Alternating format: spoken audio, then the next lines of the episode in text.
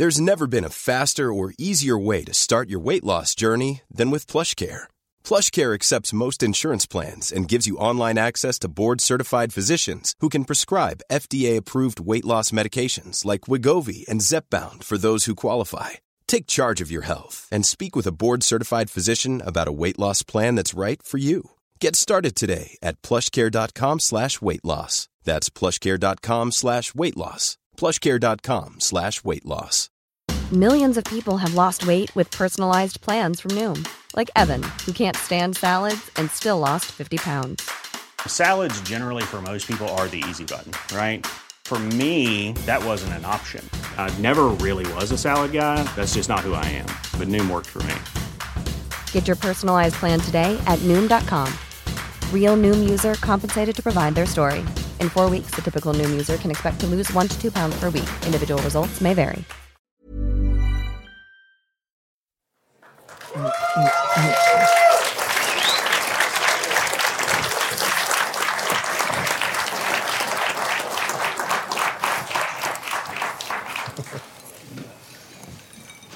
Det er stor applaus for deg, Henning. Ja, det var hyggelig. Skulle bare mangle. Det er jo halve slekta her, vet du. Oh, ja. Velkommen til denne rekommanderten om eh, blekksprut, alle sammen. Og hjertelig velkommen til deg, marinbiolog Henning Rød. Tusen takk. Skal vi bare gjøre unna det komiske med at du er eh, marinbiolog med vannskrekk? først Ja, og sist? Like så greit å gjøre det. Ja, det er det. det Ja. før så pleide jeg å si at det var to, i, to med vannskrekk i Norge. Det var Tor Heyerdahl og meg av marinbiologer. Å ja. Når han gikk bort, så var det ikke noe særlig kult lenger. Nei, for nå er det bare deg igjen. Ja. Hva kom først? eh, Marinbiologien eller eh, vannskrekken? Altså, Marinbiologien kom først. Ja. Og så har jeg en Har eh, du utviklet vannskrekk som en Ja. følge av faget? Nei. Jeg har eh, jeg hadde en ubehagelig opplevelse i svømmebasseng da jeg var eh, åtte år gammel. Jeg bare dukka under en som satt oppå meg i tre minutter. Ja. Og så bodde vi noen år i Bodø, og da var det ikke så veldig mye svømmemuligheter. Men jeg kom tilbake til Horten, da, som er en av de andre hjembyene mine. så skulle ut og svømme, tenkte jeg, fikk jeg panikk. Så brukte jeg lang tid på å over, overstige det. Og jeg var alltid lyst til å større marinbiologi. Så da var det eh, bare å prøve å venne seg til det. Og så gikk det faktisk veldig bra i veldig mange år, inntil jeg var på en båttur i Thailand. Hvor eh, de droppa oss av på et korallrev liksom langt ute i Hutaheita uten noe øyer eller noe annet i nærheten. Og så en familie med to tenåringsbarn, og så var det meg. Og så plutselig forsvant båten. Og så spurte jeg hun eh, damen da, hva skulle de Nei, de hadde, måtte hente noe. Ja vel. Så gikk det jo to timer, og så blåste det opp en kjærlig storm. Og den familien drev jo langt av gårde, de, og de ungene var jo skrekkslagne. Og, jeg, og da begynte jeg å tenke burde jeg ikke egentlig hatt meg en redningsvest når jeg skal snorkle nå igjen. Og så, da lover jeg meg sjøl at jeg skal aldri mer snorkle uten redningsvest. Og det har jeg fulgt etter. det. Okay. Du, du ligger og flyter av deg selv oppe i vannflaten? Og høye bølger som ja. men åssen var det det ordna seg? De kom liksom i siste liten? da? Ja, de kom etter to timer. De hadde fått motorstopp osv. Ja. Okay.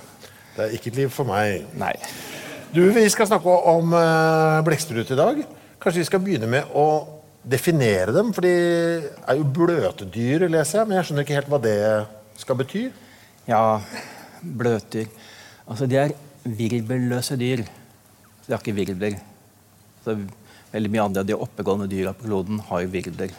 Eller er pattedyr. Så blekksprut eh, har jo da sine fetter og kusiner, som er blåskjell, østers, strandsnegl, brunsnegl osv. osv. Ikke de mest intelligente dyra på kloden. Slektningene. Ja. Nei. Så dette er, eh, dette er liksom eh, toppen krem de la krem innenfor molluskslekten. Ja, Så det er én superluring på toppen og masse idioter under som er i slekt? Ja. Ja. Eh, hva Jeg har- han vil vedkjenne seg dem engang. Nei. Jeg synes Det er rart at blekksprut og snegler liksom er i samme slekt allikevel. Ja. Ja, det er yt ytterst merkelig.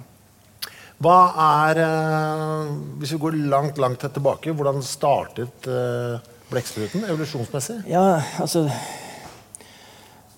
Forskerne krangler jo mye om liksom når det kom først liv på jorda. Og når det kom liksom flercella liv, så det ble litt mer komplekse skapninger.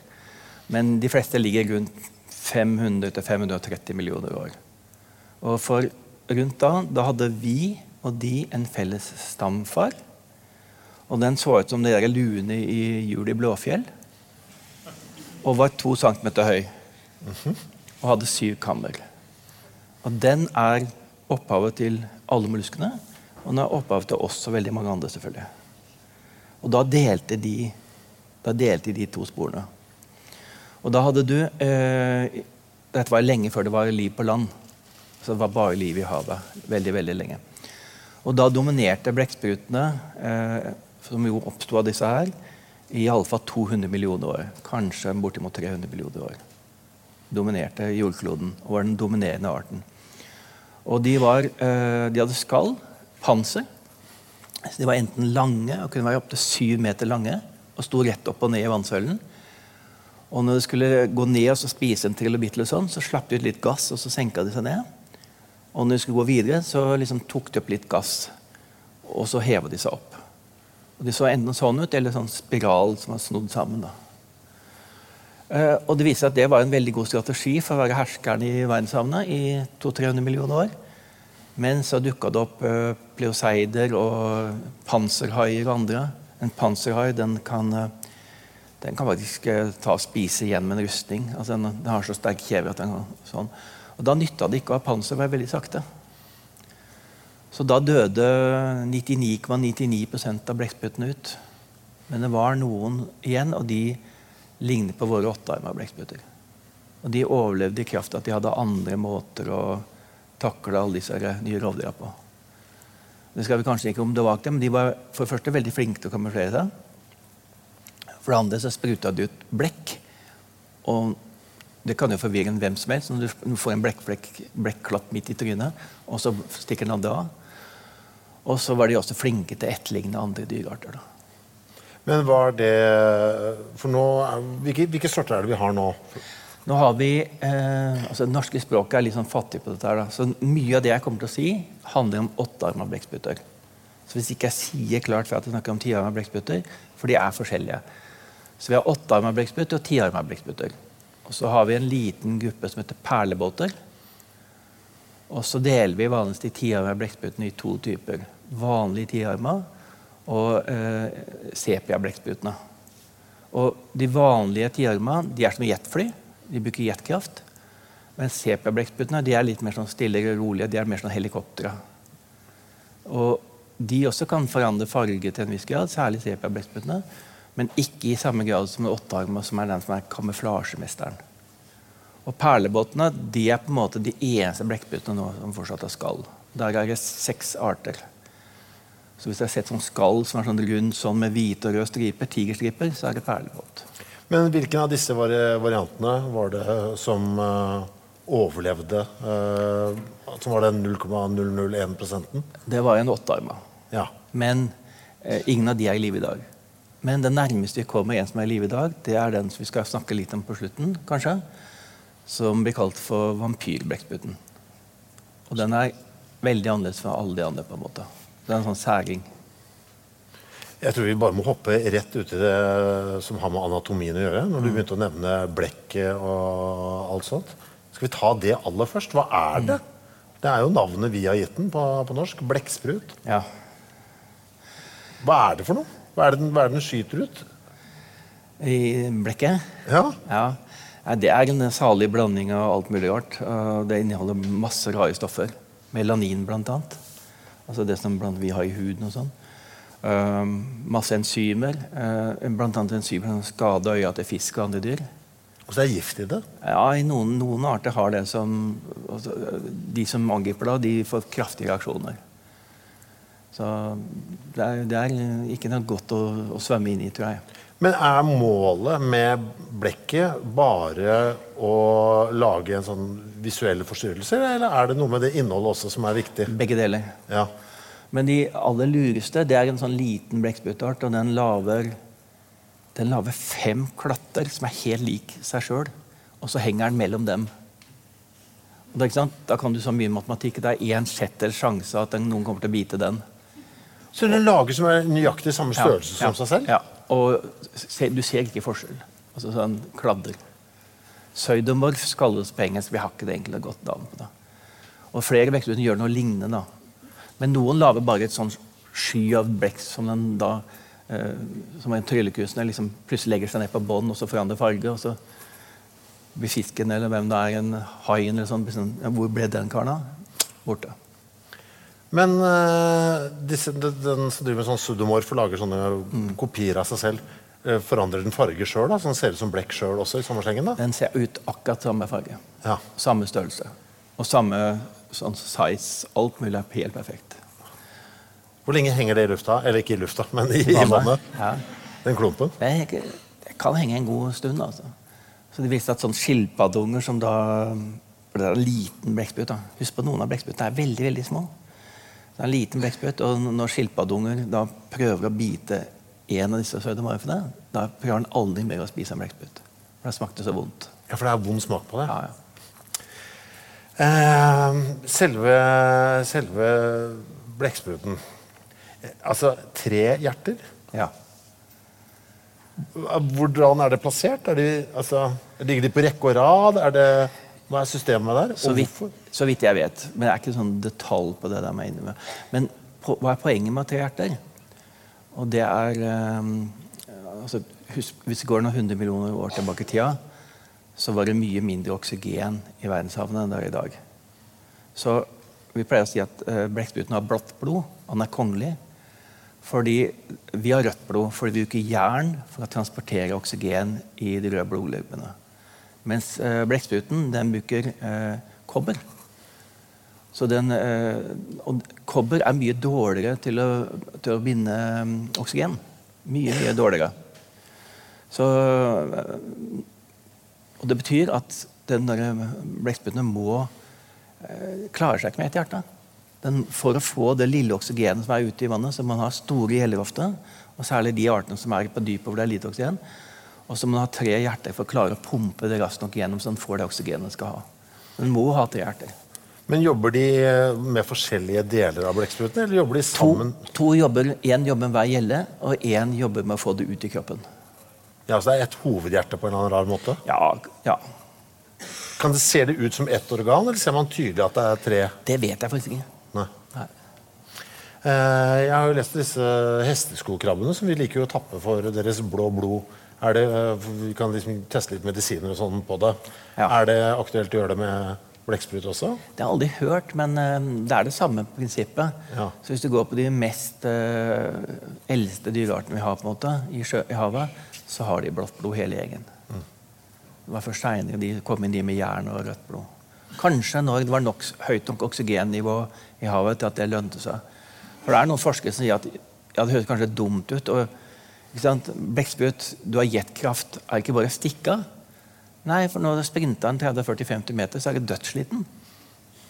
Det samme med åttearma. Etter 30-40-50 meter, det eneste som gjenstår, er å eh, skjule seg. Og det, det var kanskje Før i tida var det, var det bra nok, men nå er ikke det godt nok. De måtte lære seg å kamuflere seg.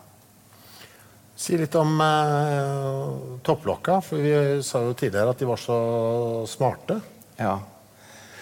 Jo, altså, de er uh, urovekkende smarte, altså. Uh, når jeg begynte å skrive boka, så hadde jeg jo litt sånn Du hører så mange forskjellige forskere. Det er noen som blir sånn Å, det er det mest intelligente dyrene på kloden i havet og sånn. bla, bla, bla. Så har du andre som sier nei, de er ikke så smarte. Og Aristoteles og Plinius og sånn, de gamle greske filosofene, nei, de mente blekksprut var dumme. Så hvem hadde egentlig rett? Og når jeg begynte å se på det, så fant jeg ut en veldig sjokkerende ting. At de fleste blekkspruter man tester intelligens på, de er et halvt år til ett år til ett og et halvt år gamle. Og hvorfor? Jo, for når de er to år gamle, så er de døde. For det er alle i den arten dør før de er to år gamle. Så vi tester altså på så unge dyr. Og da, da blir det enda mer fantastisk når du ser den type tester de klarer. For De klarer jo sånn tester, altså ta en boks med skul og putte en reke inn i. Så klarer de å skru opp boksen og så ta den. De klarer å finne vei gjennom veldig intrikate kanaler og, og ting. da. Og de kan jo klemme seg gjennom noen blekkspruter kan være så store, men de kan klemme seg gjennom et så stort hull. Det eneste som hindrer dem, er størrelsen på øyeeplet deres og på nebbet deres. Det må komme gjennom. Nebb? De har nebb? De har nebb. Så dette Altså som en fugl? Ja. Og de største de har eh, nebb på størrelse med en ørn. Men det er snudd opp ned. Da hvor det liksom ørnebb sånn, så har de snudd opp ned sånn. Hva skal de med et nebb? Det er for å pelle mat fra hverandre. For de er så lurt laga, eller så dumt laga. Dette er det motsatte gudsbevis. da. Det er, de er så dumt laga at øh, svelget deres går som et rør gjennom hjernen. Så hvis de spiser en, tar en beinsprint som ikke er plukka bra fra seg, så kan de lobotomisere seg sjøl. Har altså, er hjernen forma som en smultring rundt svelget? Ja. Men her begynner jo å lukte at det ikke er så smart konstruksjon allikevel. Ja, og her, Dette går tilbake til den lille hatten vi snakka om jul i, i Blåfjell. Da var ikke det noe problem. Men når den har vokst og den har blitt mye større, og den skal liksom spise mer avanserte ting, så plutselig er jeg ikke noe veldig god idé. Omvendt gudsbevis. ikke sant? Ja. Så den må hakke eh, med nebbet for å få det lite nok til å ikke bli drept av sin egen mat? Ja, putte, ta veldig små biter. Og Dette er også en grunn til at det ikke er noe farlig for oss. Men har den tenner, da? Kunne den ha tygd det før den svelget det? Nei, men den har en radula, som det heter. En raspetunge. Og den bruker den Og det, det her kommer noe annet. Eh, jeg har jo en del venner som er eh, dykkere og, og, og sånn i Oslofjorden og andre fjorder. Og en del av de er flinke til å se blekksprutt. Og en del av de ser de har aldri sett en blekksprutt, selv om de har vært på samme stedene. Og det som er øh, veldig tydelig, er også at en del av de har håndtert blekkspruter veldig ofte. For det ble en han pleier å fange blekksprut og gi til akvariet i Drøbak. Så når blekkspruten der dør, så fanger han et par nye, så de, nå er det noe å se på i akvariet. Og han har jo håndtert i masse sånn da. Og så plutselig leste han at alle blekkspruter har gift. Ja. Og den bruker den radulaen, den eh, raspetunga, det er den det bruker til å injisere giften. Men det er aldri noen mennesker som er blitt eller blitt skada av en blekksprut i en sånn setting. Men dette, giften, hva, hva skal den med den? Eh, hvis du ser en blekksprut som er for på krabbejakt, den elsker krabbe. Den har samme forhold til krabbe som det katter har til mus, eller bikkjer til pinner. Da, da kan den plutselig se veldig uintelligent ut. Hvis den får se en krabbe, sammen med det er noe kanskje annet farlig rundt, så er det rett på å få tak i krabba. Og så stikker den den inn i krabba, og så injiserer den giften, så den dør ganske raskt. Men du sa den er raspetunge. Ja. Men er, Betyr det at han må sage seg inn? Er det det du sier? Ja. Ja. ja og injisere giften, da. Og da dør den fort? Ja. Og da sitter den etterpå og peller krabba i, i, i biter. Edward O. Wilson, en av de kjente biologene i verden, har sagt ok, intelligens er bra. Det må man ha. Men hvis ikke du har tommel, så har du ingen sjanse her i verden til å komme videre. Men hva har blekkspruten? Jo, den har den som suger føttene. Og den har jo hundrevis av dem, og hver av dem kan fungere som en tommel. Så den har alt det den trenger for å brekke opp små biter og ta ut noe, flytte på noe, dytte på noe. Men hvor giftig er den øh, giften for oss, da? Hadde Det er ingen som vet. Nei. For det er ingen som har blitt utsatt for et bitt. Men er det ingen som har prøvd å ta Forskere sånn, i gamle dager i hvert fall, har gjerne vært litt sånn øh, litt frampå. Må smake på ting og sånn. Det er ingen som har gjort den, altså. Nei, og jeg vet hva jeg mistenker. Jeg mistenker at de har, de har liksom gått så lang tid før de forsto det. Og når jeg endelig forsto det, så bare tok de det for gitt og tenkte ja, ja, ikke alle forskere er like gærne. Men det er jo ikke bare én smultringhjerne, det er jo flere oppi der. Ja. Så den åttearma den har da ni hjerner. Ni, ni hjerner. Så den har hovedhjernen, og så har hver av armene sin egen hjerne. Så det er på en måte et anarkistisk kollektiv.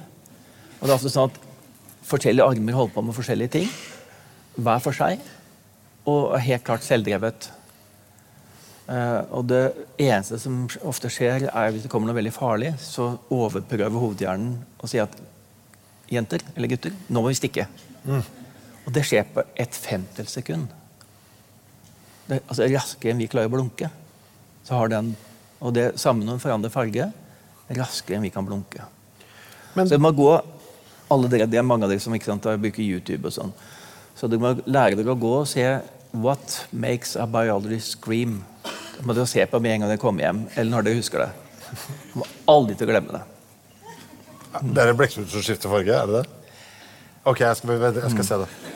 Ja, For det er ikke noe snusk nå? Du lurer oss ikke Nei, nei, nei, nei, nei. nei.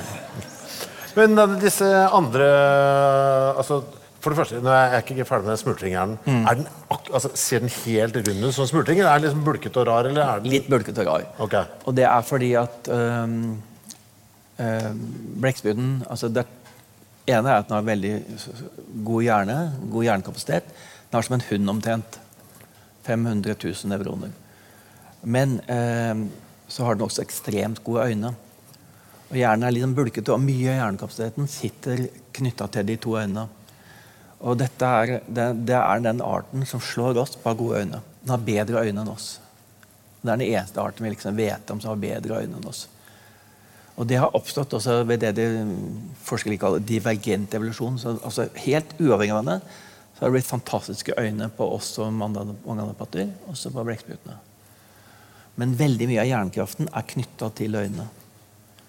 Og de har også, det høres kanskje merkelig ut, veldig uttrykksfulle øyne. Ja, Du føler at du kan Ja. se inn i sjelen på den? Ja, omtrent. Ja. Og det er helt skremmende. altså. Ja, Du tillegger den emosjoner når du stirrer den inn i øyet? Nei, nei, det, er, skremmende. Altså, jeg trodde ikke jeg skulle falle i den fella, men uh, jeg opplevde det en gang, da tenkte jeg at dette er merkelig. altså. Ja, hva, Hvilke følelser var det det ga deg når du kikka blekkspruten? Nei, du kan jo, Jeg fanga en liten blekksprut en gang. Og, og så, ikke sant? Alle har jo en gang i livet fått et sugekyss. Men da fikk jeg liksom 78 kjulekyss av den typen oppover begge armene og ble omtrent holdfast. Og så er det et sånn liten greie som satt og så på meg. Etterpå? Og under mens dette foregikk. Og mens det foregikk, stirret jeg dypt inn i Ja, øynene ja. og kysset opp på armene? Og så var det sånn, prøver han å hypnotisere meg? Eller liksom, men jeg visste også at den, den var på feil sted. altså Den var ikke i vannet lenger. De kan klare seg på land en stund.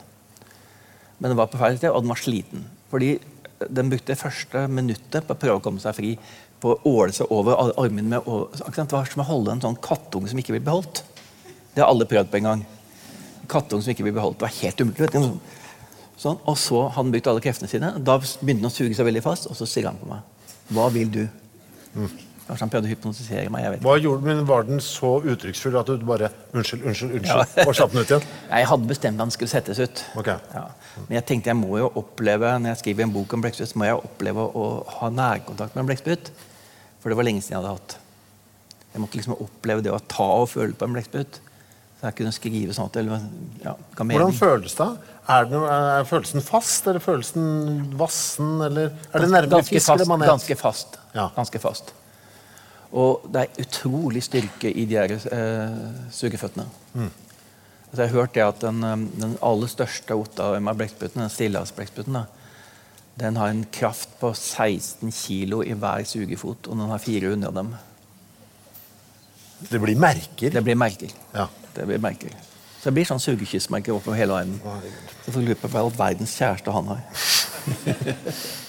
Veldig flotte øyne. Ja. Men eh, disse andre hjernene som sitter i, arma, mm. sitter de i armhulen, eller er det liksom, hvor er det de er? ja, armhulen. Ja. Ehm, så det er jo sånn Hvis for en hai klarer å få tak i en blekksprut og biter den av armen, så vil den en stund tro at den har hele blekkspruten, for den armen vil fortsatt snurre seg rundt den og prøve å gjøre ting. Og kan holde på ganske lenge, mange minutter. Og da er den gjerne operativt fortsatt. ja. Og prøver å komme seg løs. Ja. Mens blekkspruten har kommet seg ned i et hull hvor ikke haien får tak i den. Og der vil det, på den avkutte armen, så vil det komme en bitte liten ting ut. Og etter én måned så har den en ny arm. Så den regenererer armen. Som er eh, fullt fungerende. Ja. Men hvis den har dratt med seg armen og hjernen, vil den da også Ja, nei, den, den tar med seg den hjernen også. Ja, Ja. Da klarer den også å få en full funksjonabel arm. Ja, Men klarer den å lage en ny hjerne Ja, også? ja. Det kan det ikke være noe annet dyr som gjør. Lager Nei. seg en ny hjerne Nei, når det nei, trengs. nei. Eh, hva med hørsel? Du sa den hadde så bra øyne. Hører den noe? Har den ører? Ja, Det var lenge en myte. for Når jeg studerte, så sa de at blekksprut kan ikke høre. Men det, det stemmer ikke. Men antakeligvis et ganske snevert område den hører i. Eh, Jeg syns det er litt logikk i det. Mm, Jeg tipper at den hører i det området hvor eh, hvaler sender lyder ut for å prøve å se om det er noe spiselig her. Men de kan foreløpig litt for lite om det, for det er ikke så lett å forske på. altså. Det er vel Han skal spørre blekkspytt hva, hva hørte du nå? Lager de noen lyder selv, da? Ja. Uh, veldig varierende, men det er én art av den lager en lyd som et pistolskudd. Altså like høyt, så det kan være liksom nesten skadelig for hørselen på de som er nærme. Og det er antakelig et våpen som den bruker da for å skremme noen. Ja, Og liksom lamme Ja, ja, ja et eller annet i den stilen. altså. Men eh, jeg kjenner ingen som har vært utsatt for den. lever på mange hundre meters dyp og nedover. så De bare vet om at det er der. Og så er jeg én. Den lager også høy lyd, og så lager den et lysglimt. Som er også så kraftig at du kan blende noen. Er det ment som angrep eller som flukt? tror du? Flukt, flukt. Ja. flukt. Ja, de har så mange geniale eh, måter å lure folk på at det er helt utrolig. altså.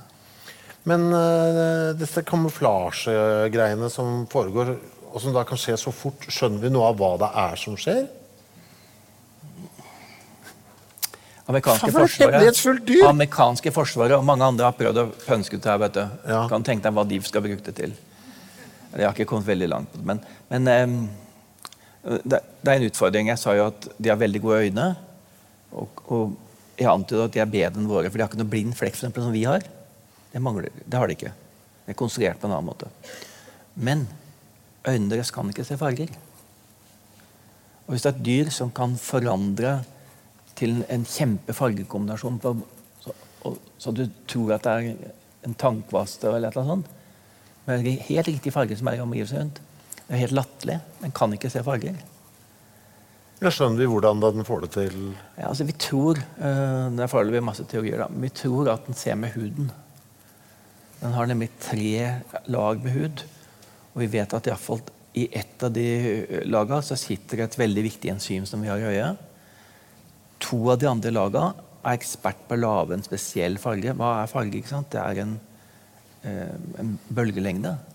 Vi tenker jo ikke på farge som bølgelengde, men det er det det er. Så du kan jo f.eks. ta en blekksprut Du tar et akvarie, så lager du bunnen er sjakkbrettmønster, så kaster du den uti. Da prøverne etterligner, etterligner etterligne, etterligne sjakkbrettmønsteret. Det er vanskelig. Det forstår vi. Selv med godt syn. Så det er, litt uforståelig hvordan de klarer det. Men de ikke bare klarer de å forandre farge, men de får utvekst og nupper på kroppen.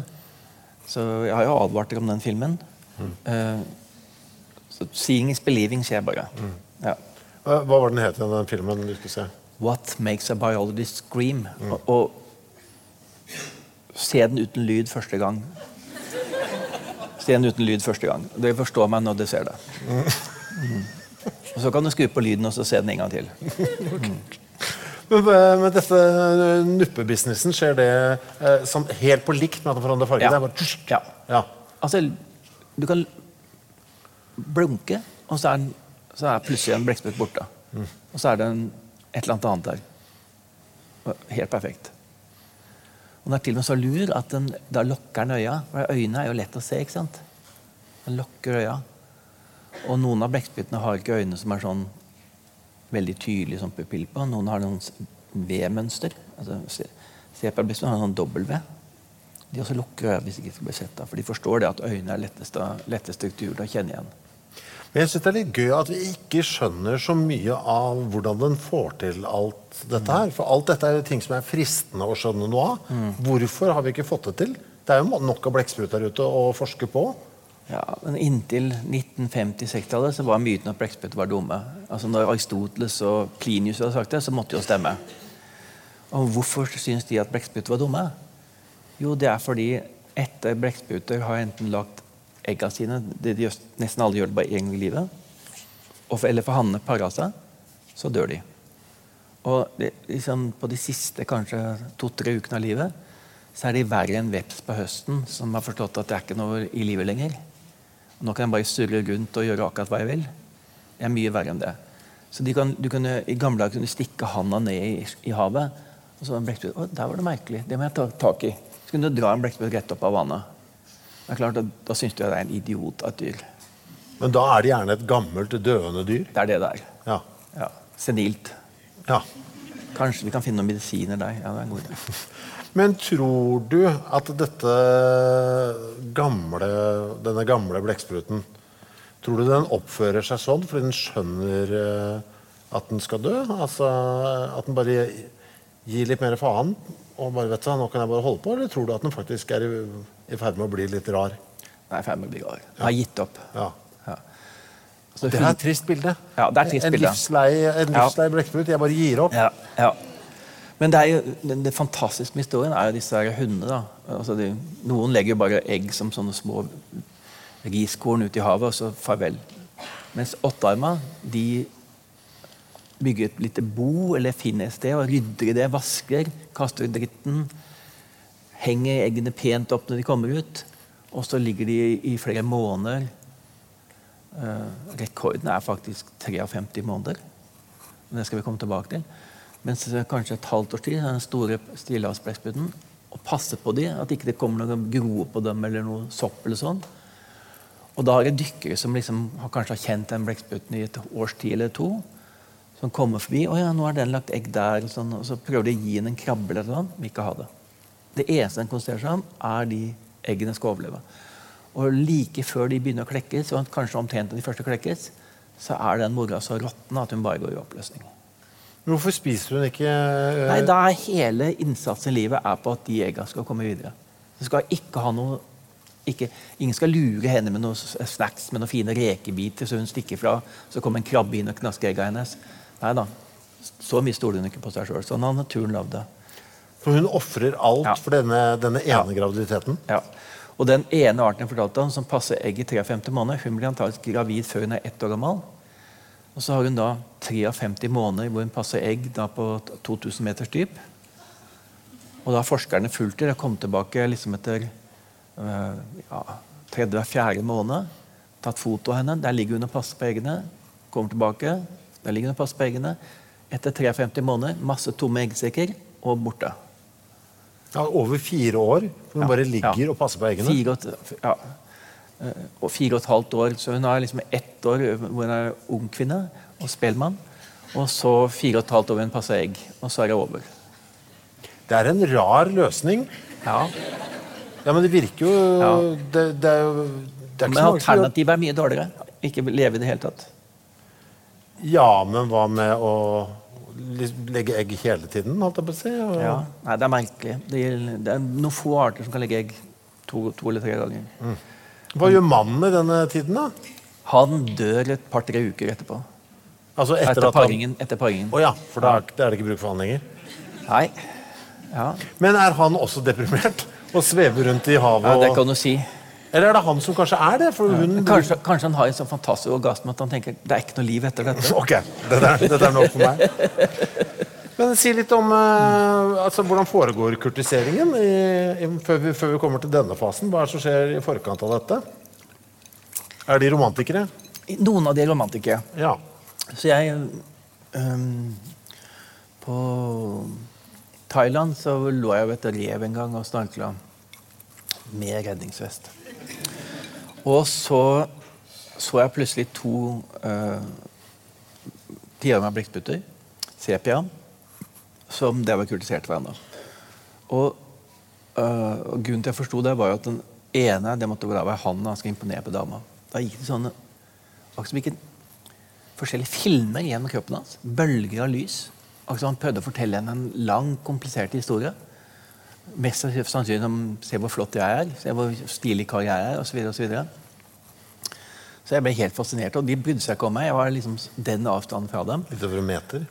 Ja, det var, det var veldig kort. Og jeg følte meg som en kikker, egentlig. Men eh, det, det var jo jævlig gøy å se på det der spillet.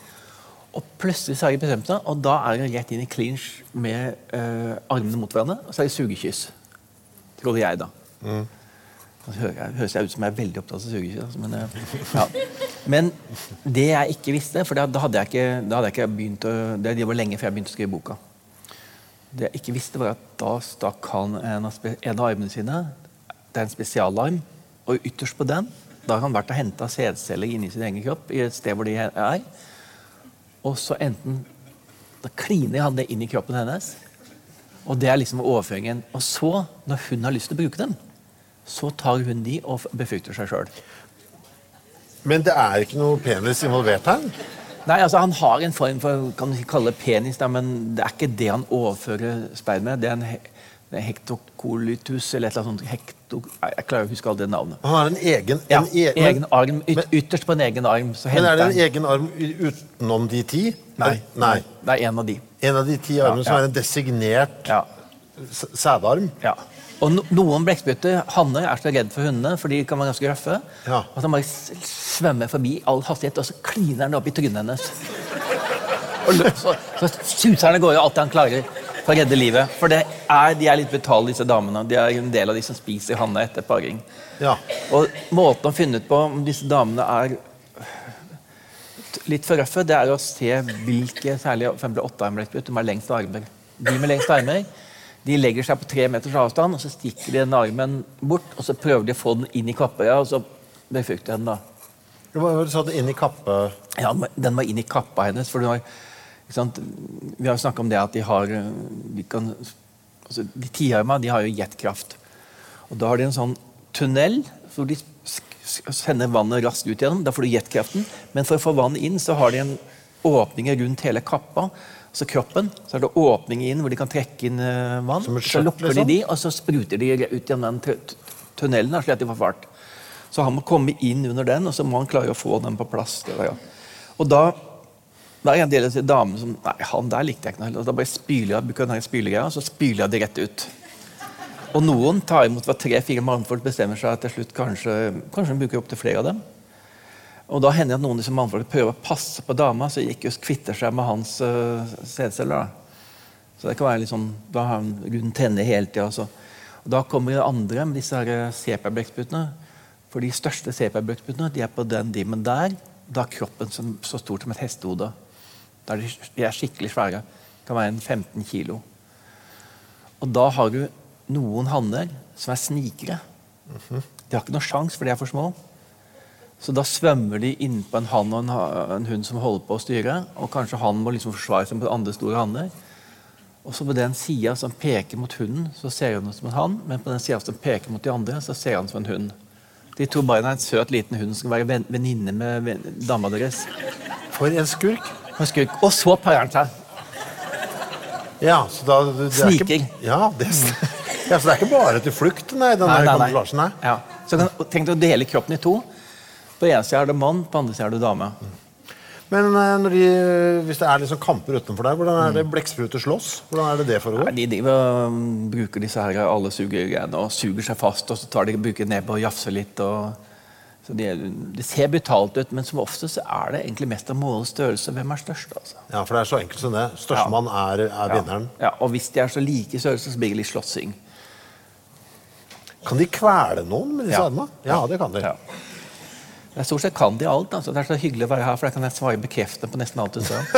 eh, nei, det er jo en, eh, særlig én rar blekksprut. Det vil si det er to rare blekksprutter. De er eh, kjent som de som er flinkest til å etterligne andre dyr. Og Det er en mimikry-blekkspruten. Og den kan etterligne 15 forskjellige dyr. Og Blant annet så etterligner den en en fisk som heter dragefisk. Eller drakefisk.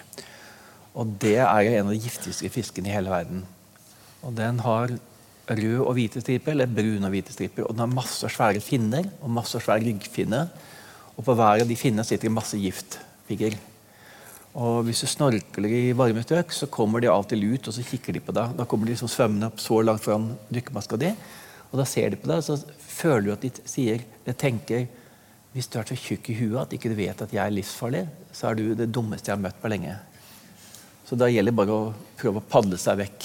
De er ikke aggressive, for de har ikke behov for å være det. For det er ingen som tør å spise dem. Og det klarer den mimikyblekkstunden. Den for, forandrer farge og trekker kroppen sammen, og, så- ser det ut som den har finner og alt mulig sånn, for å etterligne den. Men så har den en, en fetter eller kusine som heter øh, ja, Et veldig vanskelig latinsk navn. Det er veldig morsomt navn. Heter, heter vel fotogenicus. Altså den som er veldig grei og pen å fotografere. Og den tar og legger én arm rundt mimikryblekkspruten og snulper sammen så den ikke får puste. Og kveler den, og så spiser den etterpå. Ja, hardt. Ja. Du nevnte den jetkraften i stad. Det må jeg snakke litt mer om. Hvor mye, hvor mye futt er det i den? Det er sånn at de kan fly 50 meter gjennom lufta hvis de gjør på det. Ja, Altså opp. 50 meter? ja, Men ikke opp i været, men sånn langs etter, da. Ja, så Det ser ut som en flyvefisk. Ja. Hvor stor er, eh, hva er den største blekkspruten jeg kan se fly 50 meter gjennom luften? ja, du kan se en utafor norskekysten, blant annet. Har vi flyvende blekksprut her? Ja. Så det heter vel Flying European Squid på engelsk. og vi kaller Den den heter Loligo forbesi på latin. Og vi kaller den en stor kalmar. Og den kan fly. Den dimmen der. Å, herregud. Eh, 60-70 cm? Men er- det er aldri hørt noen se de fly i våre breddegrader. Men når det heter på engelsk uh, European Flying Squid, så må det være en grunn. Mm. Ja. Men jeg har, jeg har vært på fisketur i Thailand med mm, daværende kjæreste og hennes jentunge. Og da kom det flyende fem bitte små blekkspruter og hang seg i håret hennes. Tror du det var, hun likte det? Hva, eh, tror vi, skjønte du noe av grunnen? Hva grunnen kunne være? Ja, Det var masse makreler rundt, store makreler som jaga dem. Ja. Så eh, Thaien ville jo gjerne bygge den som agn, da, men eh, hun var pent for dem, og så vi ble satt pent ut i vannet igjen. Når de er så smarte mm. uh, også, altså, du, du sa jo dette her med at uh, mora? Hun dør jo idet det er klart for at eggene skal klekkes. Så de, må, de vokser opp alene, da? eller? Ja, Ingen opplæring.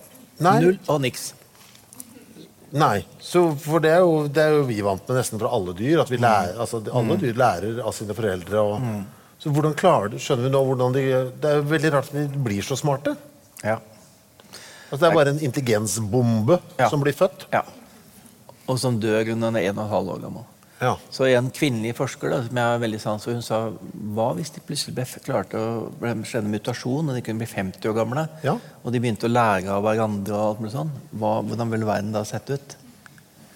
Det er litt av et spørsmål. Ja, De ville vel vunnet, ville de ikke?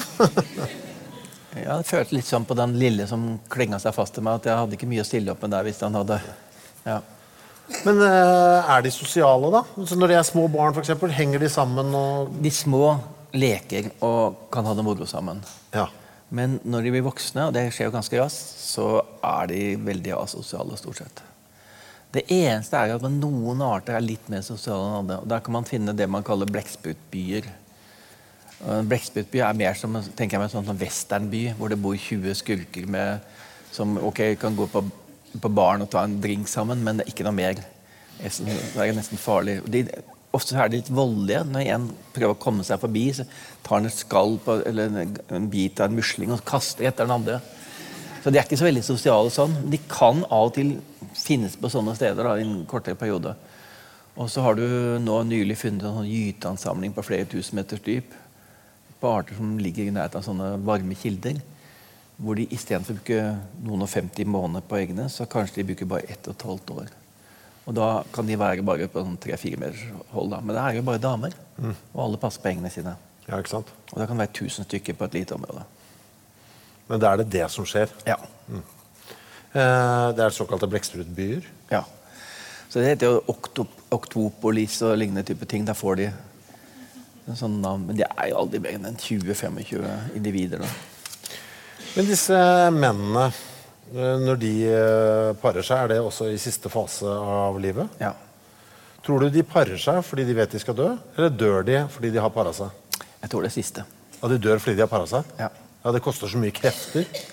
Ja, eller et eller annet sånn genetisk som da er innstilt på at da Et eller annet sånt. Ja. Det, er det er ikke lett å si. altså. Er de, og så er de på sykdom og sånn? Får de sykdommer?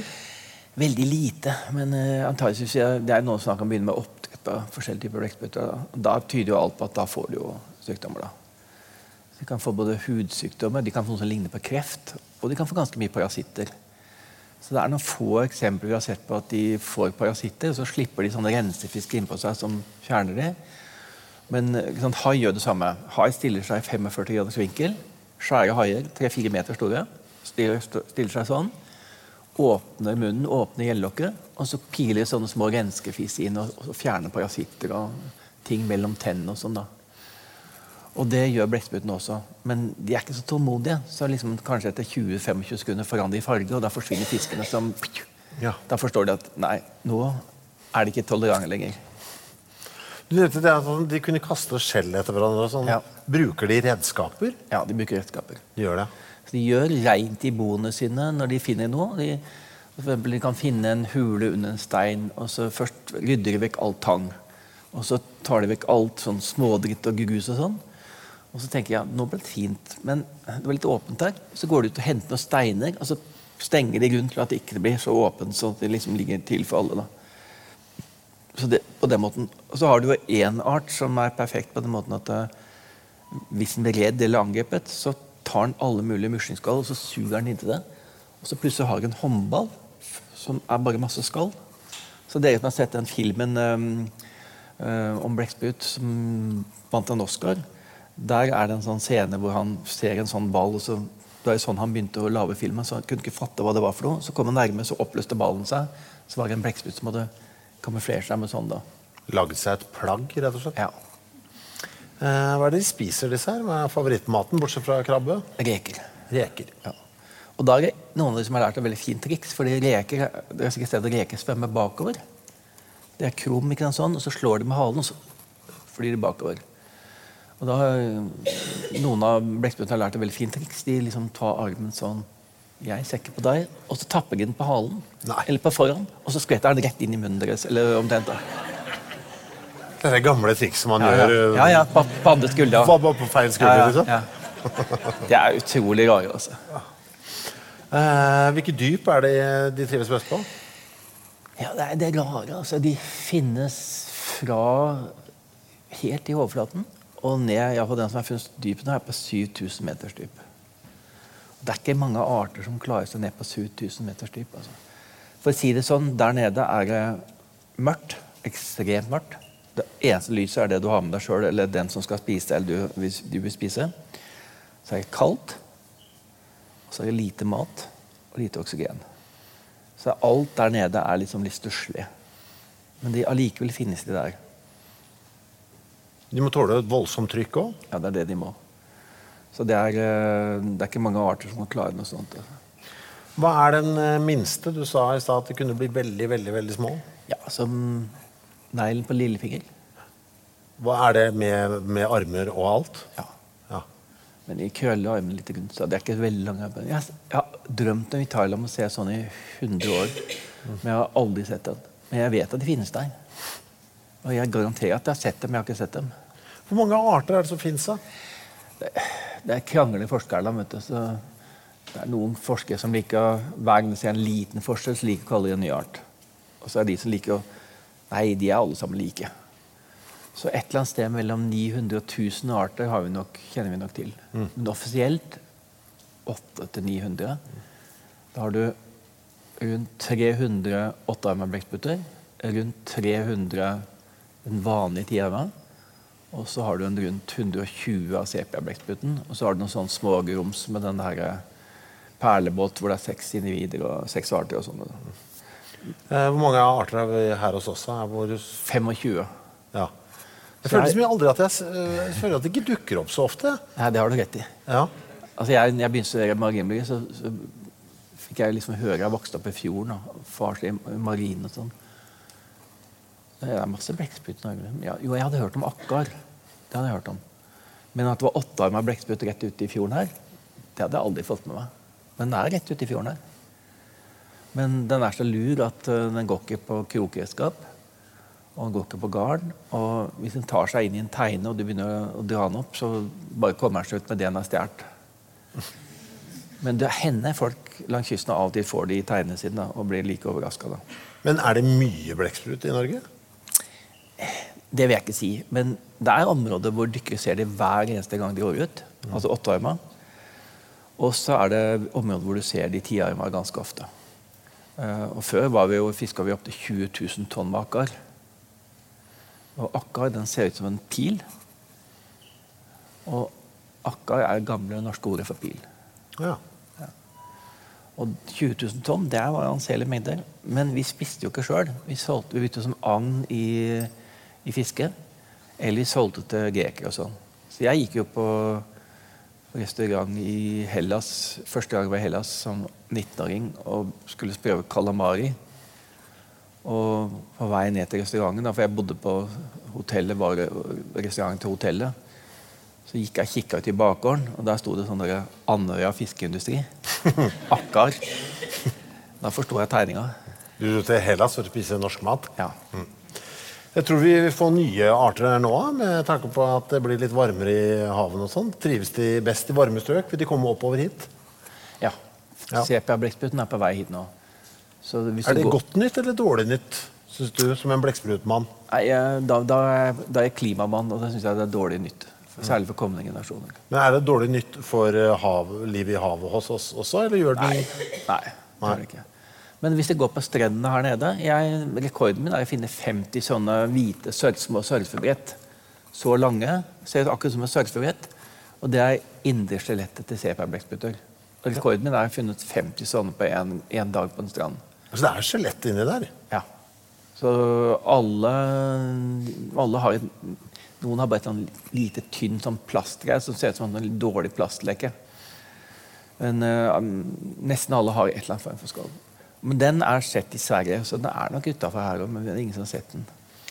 Hva tror du om fremtiden for uh, blekkspruten, da, med tanke på, på klimaet? Den har jo overlevd lenge uh, som art. Ja, er det tror- en av de som kommer til å takle dette? Ja, jeg tror det. At en eller annen blekksprut, samme med eh, Unnskyld meg om det går rett til helvete med hele resten av kloden, så kommer en eller annen blekksprut til å klare seg. Så jeg ser for meg om ja, 200 000 år, 300 000 år, 400 000 år, så kravler det noen blekksprut opp på land for å sjekke etter hva som har vært der. Så har de på seg dykkerdrakt. De har på sånn glasskuppel med vann i. Og så sier de nå må du prøve noe nytt å spise. Dette er helt fantastisk. Det, er noe som heter grilla fisk. Det er kjempegodt. Og så kommer de til å liksom lure på har det vært noen der før, for det er så mye sånne rare strukturer. og Sånn. Nei da. Så jeg ser for meg det, da. Det er det du ser for deg? Ja. Det er trøst- det er 100 000 år lenger fram i tid. Ja. Internett! det er en mann her som sitter og snakker om oss på et sted som heter Drammen. Vi må snakke litt om spesifikke blekkspruter òg. Det er da man begynner å skjønne litt av øh, hvor øh, morsomme de er. La oss ta den vampyrblekkspruten først, da. Ja. Som var den du snakka om i stad. Ja. Den som, hadde, som vi har hatt med oss lengst, var det det? Ja, 300 millioner år. Ja. Nesten uforandra, eller?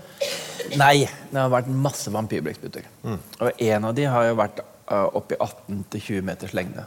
Å, det er langt. Ja. Men uh, det var en tysker, da, Carl Hugh, som fant uh, vampyrblekkspruten for rundt 100 år siden. Litt over 100 år siden. Og han, uh, altså, for det første har han en svart kappe. Og han, de kan også ha rød kappe, eller purpurkappe. Og så hadde han rød, stikkende øyne, ifølge han. Og så hadde han pigger på armene istedenfor sugekopper. Og så kunne han vrenge hele yttersida rundt, så at den ble- så ut som en stikkelsbær med masse pigger ut. Så han mente jo at det, det måtte være en vampyrblekksprutten. da. Men det er den, det er den blekkspruten som er mest vegetarianer. Fordi den lever mellom, stort sett mellom 700 og 900 meter, men kan være fra 500 og 1500 meter. Og har veldig korte armer og henger bare i vannet. Og så slipper den to fiskesnører. Og de to fiskesnørene de har lim på seg. Og så spiser den det som drysser ned i havet. Der liker forskere og sånn å kalle alt det som drypper ned ovenfra, det kaller de for snø. Og det er faktisk, det kan komme noen steder i havet, så er det akkurat det snør. Og de dyra som lever på dypet, de lever av det som kommer ovenfra. da. Så det, de restene kan jo like godt være planteplankton eller alger som har gått i oppløsning. Så det er derfor jeg kaller den den som er mest vegetarianer, da. Men det er en eh, merkelig, eh, det er merkelig, merkelig dyr, altså. Men disse to snørene blir liksom som på en manet, liksom? Som sånn tråder? eller? Tråder, ja, og så har han, snurrer den de opp, og så da slikker den av det som har kommet på, og så ut og fiske igjen. Ja, som et fiskesnøre? Ja, liksom, ja, som et fiskesnøre. Ja. Og så har han, øh, har han en genial flukt og, og måte å, å, å, å skremme fiender på. Den har øh, Rett ved øya så har den to store flekker som kan bli selvlysende, som ser ut som øyne. Og hvis det kommer et dyr som den blir veldig redd for, så krymper den de øya til sånn, så det ser ut som en sånn rakett som har forsvunnet 200 meter av gårde. Du bare ser noen sånn lite bitt av øya, men det er bare en halvmeter fra deg likevel. Og så skaper det sånn Ja. illusjon Ja. av en bil Ja. som har liksom Ja. kjørt fra deg. Ja. Ved å gjøre lyset mindre, liksom. Ja, ja, For en jævla luring. ja. ja genialt. Er det bare den som gjør det? Et par andre som har noe lignende. Men det er den som er eksperten på akkurat det trikset der. Hva med fiskesnørene? Er det en litt sånn kjent eh, Nei, det er den eneste. Der, der kommer de 300 millioner år så hvor, det- hvor det ikke har vært andre som har utvikla seg i den retningen. Jeg posta et bilde av eh, kanskje det søteste vesenet som fins på planeten Jorden. Mm. Eh, den bitte lille Dumbo-blekkspruten. Ja, den er helt strålende. Det klikka for meg. Ja. Den ser altså så Ja. den er så, Det er så stor kropp og noen bitte Ja. små armer. Ja, Altså, ja, ja. Det er, den er lagd for å være et kosedyr. Ja. Hva er det? Har den noe gøy ved seg, eller ser den bare søt ut? Er det alt? Nei, den må jo bare være søt og koselig. Altså. Altså, skal man se det på, på YouTube, de filmene, så skal man ha på lyden. Og så kommer forskerne. Det er nesten at det blir for mye. altså. Ja. Det blir sånn Å, se på den søte lille babyen! Å, nei! Ja. Men er det, er det sånn de er de fullvoksne, så ser de Ja. like ja. Ja. Og det finnes mange arter av dem. Og alle har jo da sånn ører som Dumbo, da, som de bruker til å fly med. ja, for de bruker det til å fly med, ja. Ja. Det er ikke til å høre. Nei. Nei. Så de, de vifter akkurat som Dumbo. da. Så Det er ikke, det er ikke uten grunn at de, de oppdaga det, og så fikk den Dumbo-navnet. da, de første de oppdaget. Men det virker som et litt sånn upraktisk design likevel. Ja. Når du er blekksprut og har så veldig korte armer. Ja. Du får liksom ikke gjort all verden. Nei. Nei, det, Har du noen, kan du se noen fordeler eh, i designet? Ja. At vi syns de er søte. ja. ja. Hvor store er de? Oi, og det er som håndball! Det er såpass! Mm. Ja. Åh, Det blir bare enda bedre. Ja. Ja, for Jeg var redd at det var sånn liten at jeg måtte slite med å se dem. Men det er som en liten, åh, en liten søt håndball. Og, og så har de veldig flotte farger, skjøt du. Sånn, øh, sånn lys Lys gul. Lys gul, lys blå. sånn, sånne litt, pastell- pastellfarger. pastellfarger. Er det din favoritt? da, eller? De ligger høyt oppe der. altså. Ja. Ja, og så blir det litt sånn Når jeg ser dem, så blir jeg sånn Ja. Mm. Har du, du har ikke sett henne levende livet? Nei, fordi da må du ned på flere tusen meters dyp. Så det er fjernstyrte farkoster fra toppen. Mhm. og Det er der det sitter fem-seks forskere på hver sin greie og styrer noe. Eh, hva med lakenblekkspruten? Den er kul.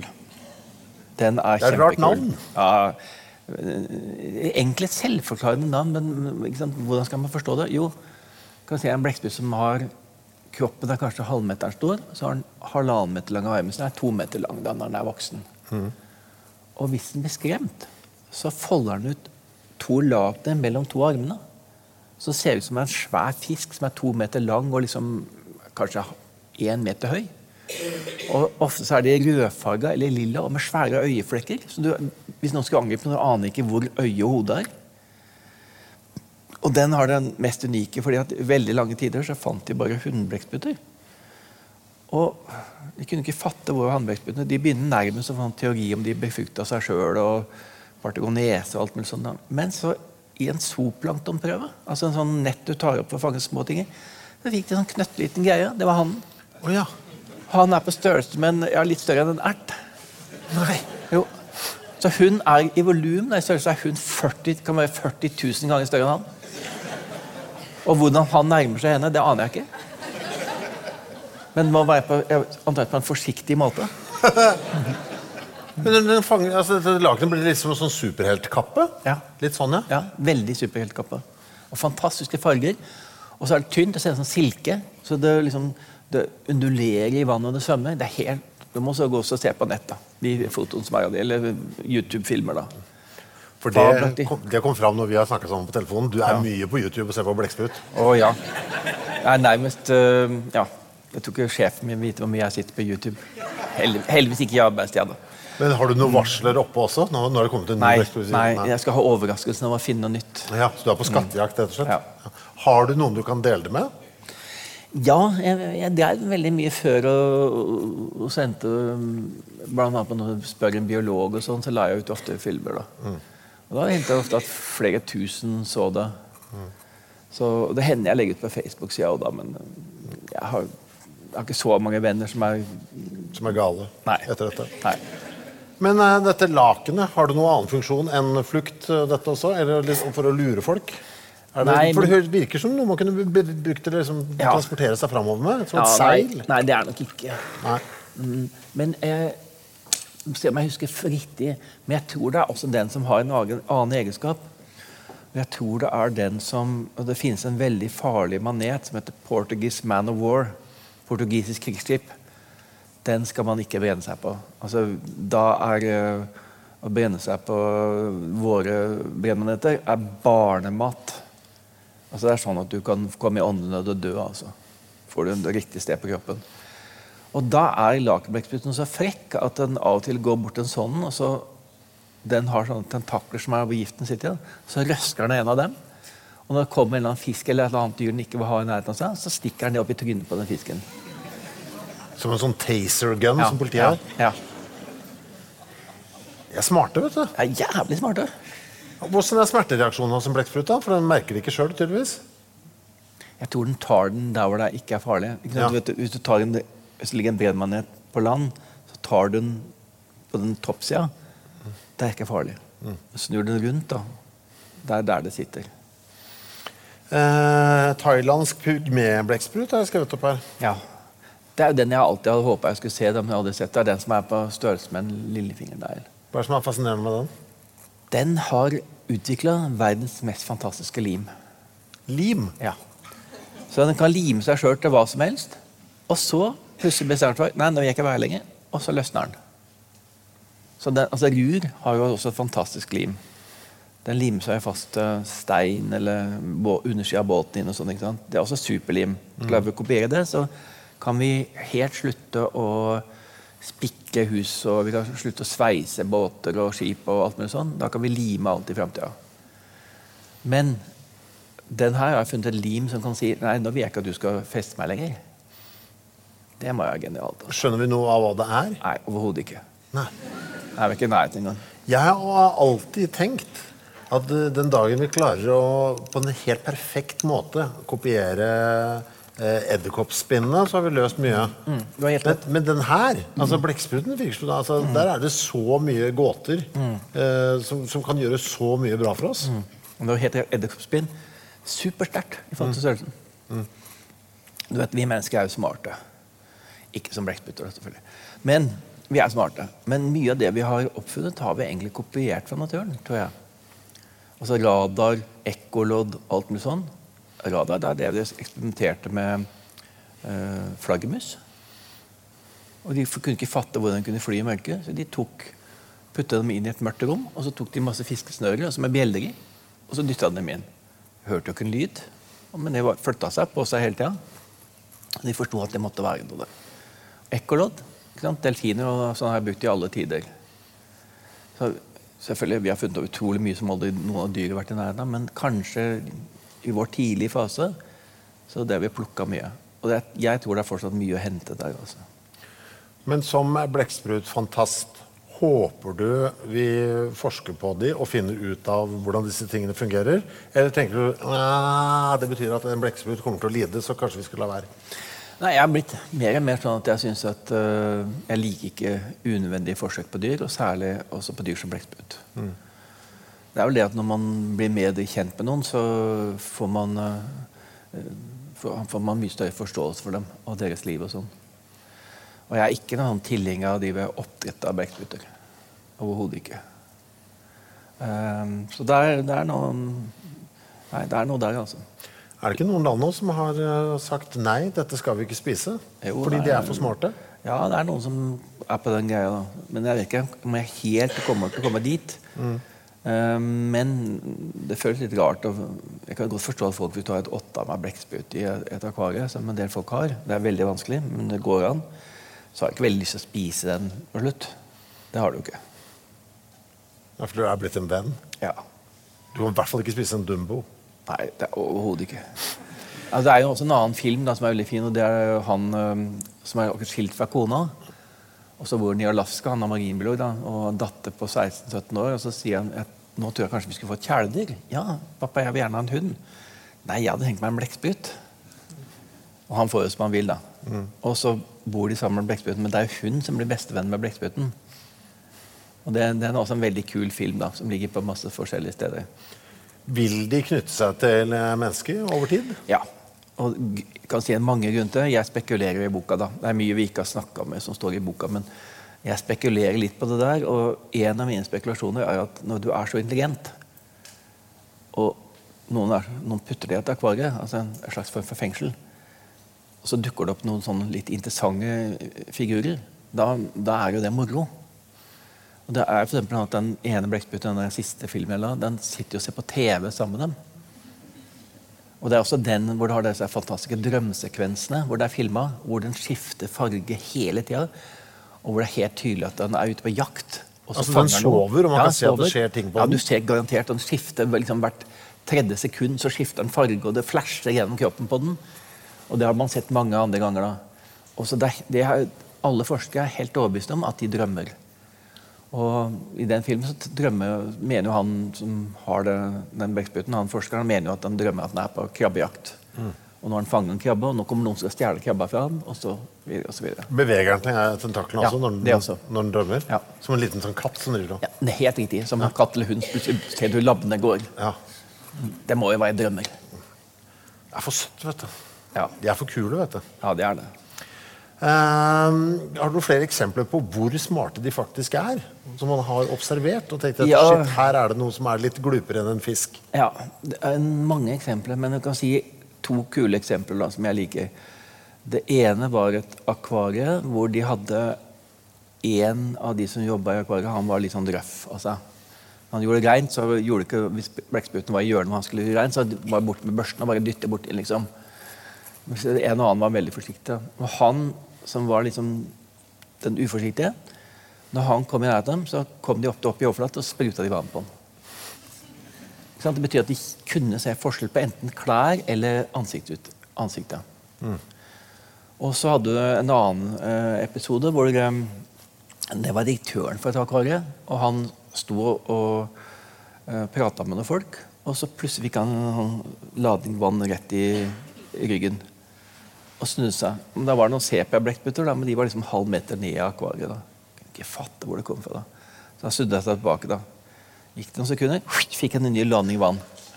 Tenkte, faen heller, hva er det her for noe? Alle skurkene var liksom halv meter nede. Tok han fram mobilen, satte på filming, og så sto han sånn og fortsatte å prate med dem. Og fikk en ny landing. Ganske riktig på filmen. Da steg de opp, og så spruta de vann på han. Bare for å bølle, liksom. Bare for å bølle. Og så var det, var det et annet akvarium hvor de hadde eh, De oppdaga at i naboakvariet til blekkspruten der forsvant det fisk. Hver eneste natt forsvant det fisk. da. Så da satte jeg på et kamera og filma. Jo da, på natta. Ut av akvariet. Ned på gulvet. Opp i det andre akvariet. Snappe en fisk. Tilbake. Igjen samme veien. Mista Dytta gjestene inn i, i avløpet så det ikke skulle være noe bevismateriale.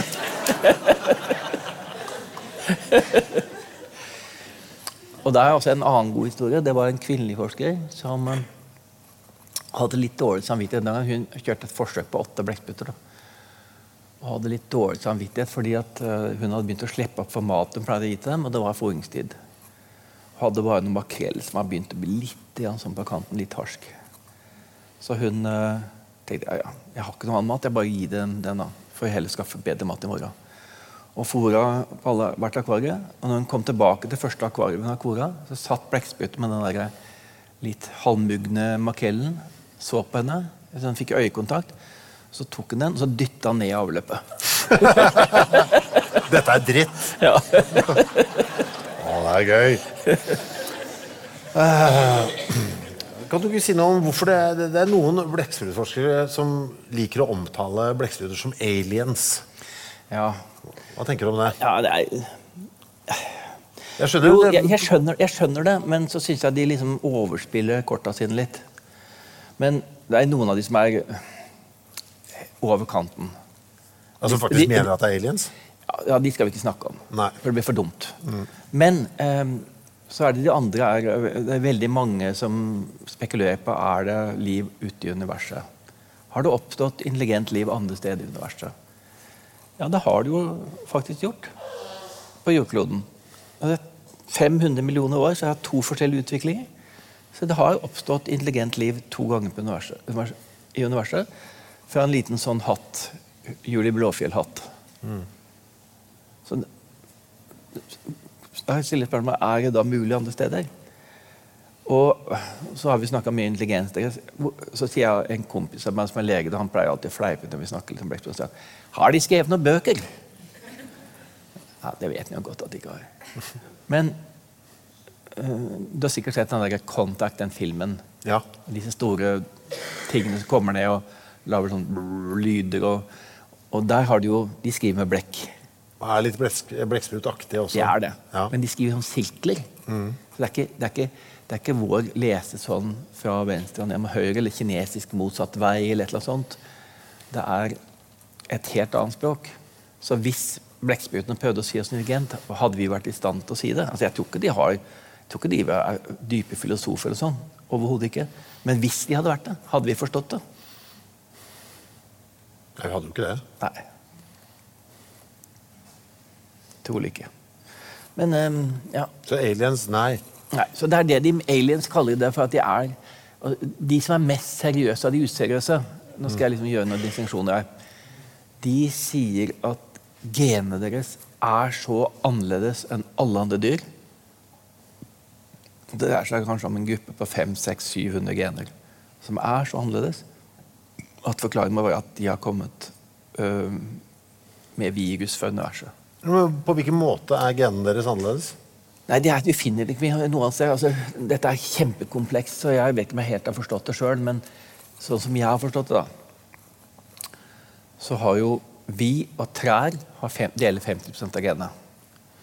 Og så kommer det opp til sjimpanser og sånn, så er det jo 96,7% Så mye av genene er på en måte en kjempesvær bok, og så tar du ut oppskrifter på hva du skal bruke og bygge det dyret. Og stort sett, så Når vi har deler 50 med tre altså, Hadde noen fortalt oss det for 100 år siden, så ville det tatt et ben på boll. Så, så det er veldig mye. Og så får du da denne arten som heter blekksprut, og den har masse gener som ingen andre har. Og da tenker man ja, kan de oppstått av seg sjøl? Ja, det kan det selvfølgelig. Men da er det noen som liker å ha hypotese om at de har kommet fra- ut fra verdensrommet med en komet, og så har de vært noe virus der som har brakt gener som ikke andre har, til oss osv. Søkt? Ja. Men God, disse- god for en science fiction-historie. Men disse genene som de har, som ingen andre har, har de noen egenskaper som er helt unike? Altså, skjer skjer ja, noe altså- rart i dette, denne genpoolen her? Egentlig er det relativt lett å forklare, fordi at mange av de går på sugekopper. Hvor mange dyr kjenner vi som har sugekopper? Altså jeg kan jo si det I Thailand så kaller de innpåslettene vestemannfolk for plamok, blekkspruter. Altså ah, litt for mange armer. Litt for mye sugekopper. Um, nei, ikke noe mer enn det. Nei, Så det er relatert til sugekoppene. Ja, Og noen andre ting som de har som kanskje ikke andre har. Hva er det de bruker disse sugekoppene til der, der under vann? Alt mulig. Alt mulig som vi bruker finger til. alt mulig. Absolutt alt mulig. Er det bevegelighet i hver kopp? I, hos noen arter så er det det. Ja. Men det mest sære med dem er Noen av dere har sikkert vet at torsken det har skjegg. Så torsken går ofte langs bunnen, og så kommer den med skjegget borti ting. Og da smaker den med smaksløker i skjegget. Er dette spiselig? Istedenfor å ta noe i munnen. Æsj, det var vondt. Nei, den smaker med skjegget. Blekkspruten smaker med sugekoppene. Det bruker faktisk å finne ut er dette spiselig eller ikke. Kan dette brukes nå eller ikke. Det er en liten test. Ja. Du nevnte perlebåter, har du sagt ved flere anledninger her, som er en sånn ikke åttearma, ikke tiarma, Ja. som det ikke er så mange av. Er, er det noe som fremdeles fins? Ja. Du finner det varmeste varme strøk, da. Er Ligner det på blekksprut, eh, sånn som de andre Ja. som kjenner det? Ville jeg skjønt at det var en blekksprut? de mm, Nei. Nei. Altså, de har dette flotte røde og hvite skallet, og så har de 60-80 tentakler, men uten noe sugekopper på. Og de er ganske korte. Og så er det veldig sjelden vi ser dem, for de er nattaktive. Så de er de har dette, det skallet bruker samme prinsippet som disse blekkspruttene gjorde for um, 100 millioner år siden. Ta ut gass, slippe ut gass. Og så stiger du opp på natta og fanger fisk og ting å spise. Hjertet er ofte inne i korallrev og finner seg noe å spise der. Og så begynner det å lysne litt, og da senker det seg ned på 600-800 meters dyp. da, 600 meter. Ja, de tåler opp til 900 meter før de sprekker. Um, og de er de mest opprinnelige. av blekksprutene omtrent, som vi har overlevd. Uh, de har, og de har så øynene deres er jævlig dårlige. Altså der, hvis, hvis våre øyne er som et kamera, og blekksprutene er som et godt kamera som ikke tar fargefoto, så er det som et sånt gammelt, det aller første kameraet sånn, hvor du tok fram en sånn luke og så tilbake igjen. Så dårlige er de. Og de øh, er klumpete. De svømmer elendig. De har litt, de har litt jetkraft. Det er sånn, omtrent, når de svømmer, så er det sånn Humpe bortover. humper Liksom. bortover. Og veldig ofte ser de ikke hvor de svømmer, så de stanger rett i noe i en steinvegg og ting. Og de, liksom- nei, de, Men hvordan har de overlevd da, når de er så krøkkete? Godt spørsmål. Det som er Problemet nå er at skallene er så vakre, og de, nå prøver fiskerne å fange dem for å selge det til turister. Så ikke lov å kjøpe, og det skal ikke kjøpe det. Men de kommer til å forsvinne, eller? Det er seks arter. altså. Ja. Får jeg håpe at folk eh, forstår at de er verdt å leve, de òg.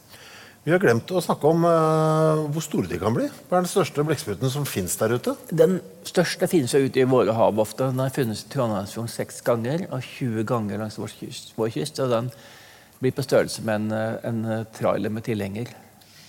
17 meter, 18 meter. Men hvordan har du målt den da? Fra, har du, Det er det. det, er oh, ja. det. Kroppen er bare 3,5 meter lang. Det er ikke bare det, altså. Og så har du armene 7-8 meter. Så har de to lengste armene, de kaller tentaklene. Det gjør at den får en lengde på 18 meter. Ja, så hvis du strekker den ut Ja, det er ikke engang strekke den, den er bare utstrukket. da. Men øh, denne kolossen, er, det, er det mange av dem? Nei, men vi vet egentlig ikke, for det er jo ofte rundt ja, 1000 meters dybde. Ja. Det er ikke, vi, vi er ikke veldig ofte der. Er det dette som er opphavet til myten om kraken? Ja. Så det er helt tydelig at noen, Det var jo biskop Pontoppidan i Bergen som eh, kom med opphavet til navnet Kraken. Og det er garantert at det var en arkitøytis Architeutis dux, altså denne blekkspruten. Og den er sett død 400 ganger. 20 ganger i Norge. Og den er sett levende, eller i hvert fall ordentlig levende, altså ikke sånn ferd med å dø, da. For de var i ferd med å dø, som jeg har sett. Tre, fire, fem ganger. Så vi har jo ikke veldig mye kunnskap. Der er det én gjeng forskere som mener at det er 21 arter. Og så er det én gjeng som har analysert DNA fra de, de kjente prøvene. Da. De sier at det er én art. Men de krangler som bare juling. Men er det fordi altså Det syns jeg er godt gjort at vi ikke har sett en levende en når den er så stor. Ja. Er den sky? Er den Den lever ikke der hvor vi er. Den har ikke behov for å være oppe i overflaten. Når den er oppe i overflaten, der er den i ferd med å dø. Sånn som disse her er litt sånn og gjør dumme ting? Ja. Så det er i Trondheimsområdet så hardt. Fem eller seks ganger den funnet. Sist gang på Jeg synes det er så bra at ble, en kjempestor blekkspruten blir dum, så drar den til Trondheim. Ja. Ja, får han dra til Trondheim. til Trondheim for å dø. ja, eller brunt brennevin. Men den fins antakeligvis utenfor Norge, eller? Ja. Ja. Men de kommer nok med golfdrømmen. da. Så hvor, hvor mye at de faktisk er her og bor her, det tror jeg ikke. Hvor mange sånne tror du det fins der ute? Altså, Hvor stor tror du bestanden er? Sånne kjempeblekksprut? Det er gjort noen beregninger, da, men uh, så De har jo prøvd all mulig intelligente ting. Altså, det er, jeg vet iallfall tre forskere som forsker på arkitøytis. Og ingen av dem har noen gang sett en levende. Det er bra. Ja. Og noen av de, den smarteste av dem, tror jeg, det var han som tenkte Hvordan skal vi klare å se dem? Jo, um, spermhval spiser arketøytis. For du finner nebbet til arketøytis i magen deres da. Og de pleier å samle seg i det og det området. Så da padder jeg innpå med en kajakk, så har jeg en lang stang og der er en sugekopp med et kamera. Så smekker jeg det i huet på dem, og så svømmer de ned og filmer det. Og så har jeg lagd den utløsermekanismen på det kameraet, slik at etter fire-fem døgn så flyter den opp, og så sender jeg et signal så jeg kan plukke den opp igjen. Og det klarte han å få til. Ikke ett bilde ikke arkitøytis på noen av de kameraene.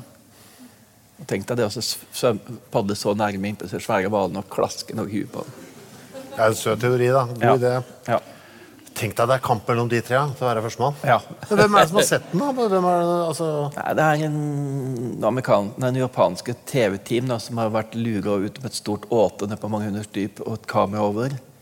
De har sett det noen ganger. Eh, vi skal snart runde her nå, men eh, kan ikke du avslutte med å fortelle om da du møtte en eh, blekksprutgud på Hawaii? Ja. Det er egentlig en relativt lang historie, da, men jeg skal ikke være så lang. den er litt sånn eh, flott. eh, Ja. også. For, jeg, det Ja. er noe med, for det, er, det er noe med Nå har jeg lest ganske mye Mm. bøker så- fra folk som er opptatt av blekksprut. Ja. Og det blir Men det er helt umulig. Det gjelder meg sjøl òg. Det Mm. er liksom så nærme Dette er ikke-troende folk som, er i, som får sånn tilløp til å bli litt sånn halvreligiøse av det. Mm. For de er noe, det er noe guddommelig over de, altså. Ja, det er mange som mener det. Ja. Nei, altså det var, um, jeg var på en lang reise jorda rundt, og så eh, Det var egentlig et lite sånn privat forskningsprosjekt. også Jeg skulle prøve å finne ut av eh, forskjellige sånn naturfolk som kaller på forskjellige arter. Det begynte med at jeg fant ut en del folk kaller på haier. At de tilkaller haier. Og Så skaffer de seg en landsbyhai, og så passer den haien på at ingen andre farlige haier kommer i området og angriper de når de er ute og fisker og jakter og harponerer. og sånn. Så får haien en, en litt av maten som de fanger, den får den. Så det oppdaga jeg en landsby hvor, jeg eh, hvor de, vi hadde vært ute og fiska. Fått noen veldig flotte fisk, bl.a. en så stor rød, flott fisk. Og så 150 meter fra landsbyen så tar han bestekompisen min i landsbyen, Apo, han tar en kniv og så skjærer han den i to, som vi skjærer brev i to. Et brød i to. og Urensa alt mulig. altså Det tyter jo litt gugg ut. og sånn. Så gir han meg ene biten og han, vil du, vil du være den som gir bort denne. Eh, ja, du tar jo imot noen. Jeg sitter bakerst i kanoen og er ikke den som padler i det hele tatt. Så tenker jeg, ja, ja, Gi den til hvem? Hvorfor deler den opp her ute? Og Så tar han et øsekar så slår han tre ganger sånn i, i essingen på kanoen. Da. Det er en sånn uthult trestamme. da. Det sitter seks mann i. da. Og, og så plutselig dukker det opp en svær tigerhai like ved siden av meg. Åpner gapet. Og da mista jeg liksom noen sekunder av livet. for at da bare plutselig satt jeg med en sånn fiske sånn, Da jeg forsto hvem som skulle ha den, da, men jeg klarte ikke å gjøre noe. Og så slo den tre ganger i relingen, og den kom opp, og jeg liksom registrerte jo den har masse rader av tenner, akkurat som står i bøkene. Så droppa den ned. Da Da hadde den fått dagens lønn for å passe på landsbyen. Men så kom jeg til Hawaii, og da tenkte jeg her må jeg også se om det finnes noe litteratur om dette. her, For jeg har også kalt på delfiner og skilpadder og fisk og masse annet. Så var det litt sånn merkverdig, fordi at alle andre steder jeg hadde vært, så så det litt rart men når jeg kom med disse forespørslene mine på sånn universitetsbibliotek og lignende. Så her var en dame da som bare nikka meget sine. Ja, kan ikke du bare sette deg ned der, og så skal jeg finne noe til deg. Altså, jeg har alltid før brukt en halvtime på å forklare det, og sånn, og så har jeg har kommet tilbake om to dager. Og jeg bare satt meg ned, så Etter ti minutter kom en svær bunke med forskjellig litteratur. Da, artikler og alt mulig. Jeg fattet ikke, tenkte jeg, Hun var jo den flinkeste bibliotekaren i hele verden. Jeg kunne ikke fatte det. Men så gikk det jo et lys opp meg etter hvert. Da, at det var en annen som forska på det samme. Han holdt på på akkurat det. da. Så han hadde samla alt, og det lå i en bunke til han. da. Og så sa hun at eh, du kan få lov til å, hvis du vil, så kan jeg gi en lapp til han. Med hvem du er, og kanskje han vil kontakte oss. Vi gjorde dette her, da. Og så viste det seg at det var en veldig kul fyr, da, en amerikaner, en Phil, en marinbiolog. Og han interesserte meg til masse folk på Hawaii, bl.a. den uoffisielle ordføreren til hele Hawaii. Hvor jeg sto i kø sammen med masse andre folk og ble introdusert til han på et sånt anonymt kontor på et vannverk. Eh, og så spurte han meg noen dager, eh, og der ble jeg også hilste jeg på en sånn vakker hawaiiansk prinsesse som på død og liv skulle bli bekjent med meg og invitere meg til en eller annen øy. Men jeg hadde jo for det første dame hjemme, og for det andre var jeg på vei hjem. Jeg følte ikke liksom jeg kunne skeie ut hele resten av livet med det. Men så noen dager etterpå så sier Phil uh, har lyst til å være med og treffe en gud. Og så tenkte jeg han er en snodig fyr. altså. Men nå har jeg først sagt nei til en prinsesse. Jeg sa ja til en ordfører, sagt nei til en prinsesse. Nå må jeg bare si ja igjen. ikke sant? Nå er jeg veldig åpen. Ja da, det blir jeg gjerne med på. Og så, Dette var i Honolulu, da. Og så sa han ja, du må ha bind for øya. Ja vel. Jeg satte meg inn i bilen og han satte bind for øya mine. Og så kjørte vi en times tid. Som et gissel. Ja. Det var merkverdig. Jeg tenkte, Hva med de som sitter på andre bil på veien, var lurer på hva dette er for noe? Kjørte vi og tydeligvis kom opp i noen veldig dårlige veier. Så stoppa vi et sted, og da kom det folk bort og snakka med ham. Og han forklarte, han snakka hawaiiansk også, da. De snakker jo annet enn engelsk. Og så var de, hørte jeg at de var negative.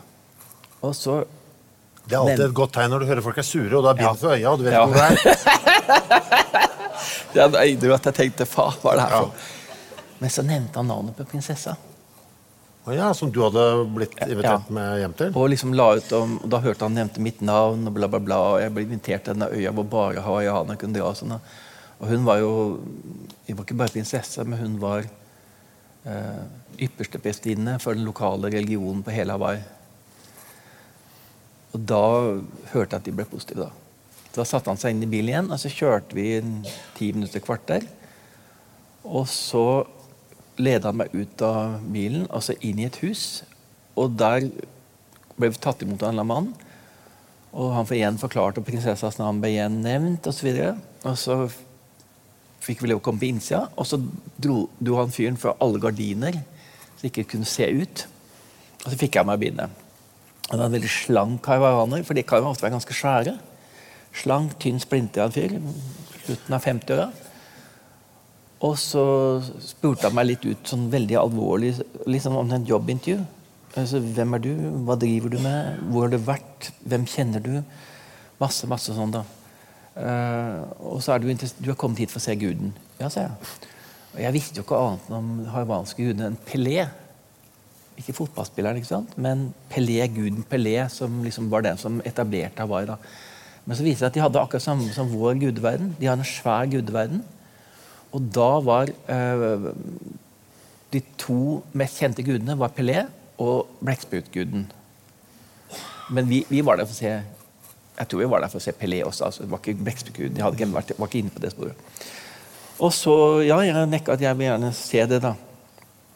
Og så går vi bort en ganske sånn helt anonym dør. altså En sånn kjellerdør. ikke sant? Sånn helt anonym dør. Så åpner den, og så går det en tunnel ned i fjellet. 60-70 meter lang tunnel eh, med, med trapper. Uh, hvor vi går ned. Er James Bond Ja. hele opplegget? James Bond. Ja. Og så der var det sand på gulvet, så lukta det hav. Og så var det en naturlig hule, og så var det naturlig sånn nisjer. Og der var det fantastisk flotte treskulpturer uh, av gudene. Så han stoppa for hver enkelt gud og introduserte meg til hver enkelt gud. Og fortalte litt om den guden. da. Og den mest kuleste var jo blekkspruttguden ved siden av Pelé. da. Og blekkspruttguden altså når han fortalte om den guden, så fikk jeg veldig inntrykk av at dette var en blanding av nordamerikaners coyote, altså triks, trikseguden, og vår loke. Og det er bølla. Det er bølla. Bølleguden. Men som de også fortsatt dyrka, og som han fortalte også alle fiskerne på øya uh, ofra til denne guden, som var et veldig langt navn som ikke jeg klarer å huske nå, eller si nå. Hvordan så den ut? Eh, Det var en treskulptur, eh, og den så litt sånn Ikke uformelig, den var veldig flott laga, men den var helt tydelig at det var, dette var ikke et menneske. Dette var en sånn mellomting. Men Hadde den blekksprutarmer og sånn? Nei, ikke det jeg kan huske. Nei. Og så endte vi med Pelé. da. Det var Pelé var aller viktigst. Pelé var kullsvart og så mye mer ut som et menneske. Ja. Så blekksprutguden var annerledes. Så, så det var det. Og da var det på med bind igjen. Og så, og Ja, for du skulle ikke vite hvor du Nei, har vært? Nei. Og så kjørte vi ganske langt, øh, over en time igjen. Og så tok de meg bindet, og da først forsto jeg at han, Phil, han hadde aldri sett den guden. Og hvis ikke det var fordi at jeg hadde truffet en prinsesse, og gud, øh, så hadde han aldri fått lov til å se det. Så han brukte meg som brekkjern for å komme inn og se det. Hvor mange utafor kulturen tror du har sett denne blekksprutguden? Jeg, jeg, leste for noen år etter dette, så leste jeg en bok av Jacques Yves Cousteau. selve pioneren på Ja. ja. Han kom jo med Calypso-skipet sitt til Hawaii og ble invitert og fikk se blekksprutguden og, og det, samme sted som jeg var. Det er det eneste andre jeg har hørt om. Kanskje James har vært der, men han får ikke lov å snakke om det. Og Phil. Phil. Skurken Phil. Skurken Phil. Og Phil, det er det veldig rare. Jeg hadde bekjent i på Hawaii. Blant annet lånte han en sånn ganske spesiell bok av en av mine bekjente, som også var marinbiolog. Halvt etterpå så forsvant Phil fra jordas overflate. Totalt forsvunnet. Han er aldri, Jeg har sjekka på etternavnet og alt mulig. Aldri dukka opp. Helt borte. Du vet hvem som har gjort det? Nei, altså Han fortalte meg en historie at han lå i kamp med japanske mafiaen som ville bygge på sånn hellig grunn på Hawaii. som ville bygge en golfbane. Ja, for jeg tenker at det er blekksprutguden som har uh... Jeg visste det. Ja. Vi kan ikke sverte i bøkkerskudd. Nei, jeg skjønner, jeg skjønner. Du, eh, du skal snart uh, stille deg ved salgsbordet der og selge boka di, uh, som heter 'Blekksprut'. En uh, kjærlighetshistorie. Elska den selvfølgelig.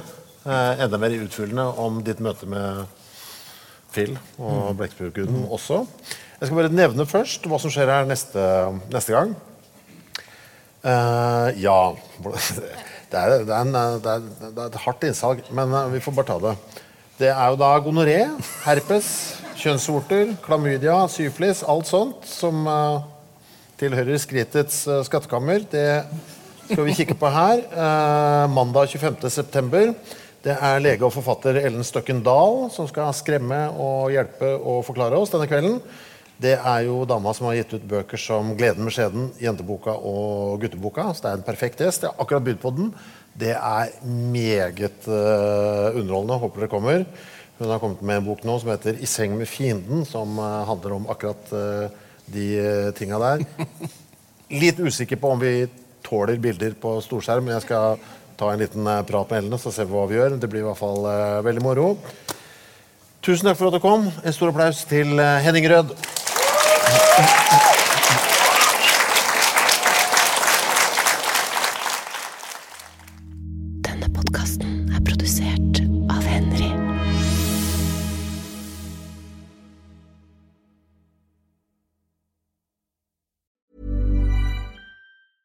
Mom deserves the best, and there's no better place to shop for Mother's Day than Whole Foods Market. They're your destination for unbeatable savings, from premium gifts to show-stopping flowers and irresistible desserts. Start by saving 33% with Prime on all body care and candles. Then get a 15-stem bunch of tulips for just $9.99 each with Prime. Round out Mom's menu with festive rosé, irresistible berry chantilly cake, and more special treats. Come celebrate Mother's Day at Whole Foods Market.